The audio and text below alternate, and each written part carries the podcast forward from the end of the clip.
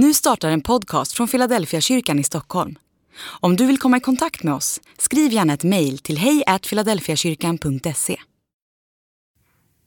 Dag 192. PR-trick. Om man skulle be en PR-firma sälja in kristendomen undrar jag hur de skulle lägga upp det hela. Skulle de berätta om lärjungarna som ständigt missförstår vad mästaren har att säga? Skulle de berätta att den första kassören, han som skötte ekonomin åt mästaren själv, var korrumperad, stal för egen räkning och sålde ut sin ledare till konkurrenterna i värsta läget?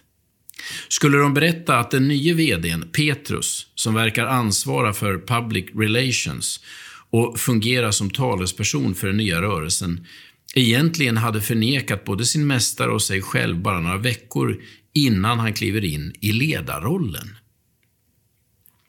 Att ledare då och då hamnar i skandaler, det är ju ingen nyhet, men att man kommer tillbaka som den främste företrädaren för en verksamhet som man själv har förrått och det inom loppet av mindre än 50 dagar kan kännas lite svårsmält.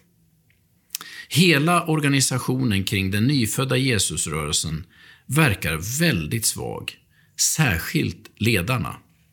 Petrus först och främst, men om sanningen ska fram verkar alla apostlarna sakna ryggrad.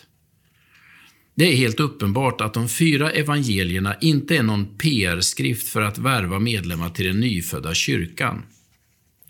I så fall skulle man ha framställt Petrus och de andra apostlarna som verkliga hjältar, eftersom deras ledarskap var avgörande för den unga kyrkan.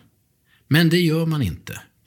Istället framställs de som mestadels trögfattade, självcentrerade och självupptagna. Så vad är syftet med evangelierna?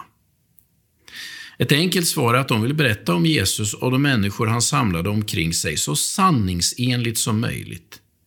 Enligt min uppfattning är själva kärnan i evangelierna just det man ser i berättelsen om lärjungarna. Evangeliet är ett löfte om att alla människor, även trögfattade, självcentrerade och självupptagna, kan bli himlens sändebud här på jorden.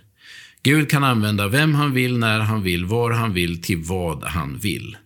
Kunde Petrus bli lärjung och sen ledare för den nyfödda Jesusrörelsen, ja, då kan vem som helst få vara med.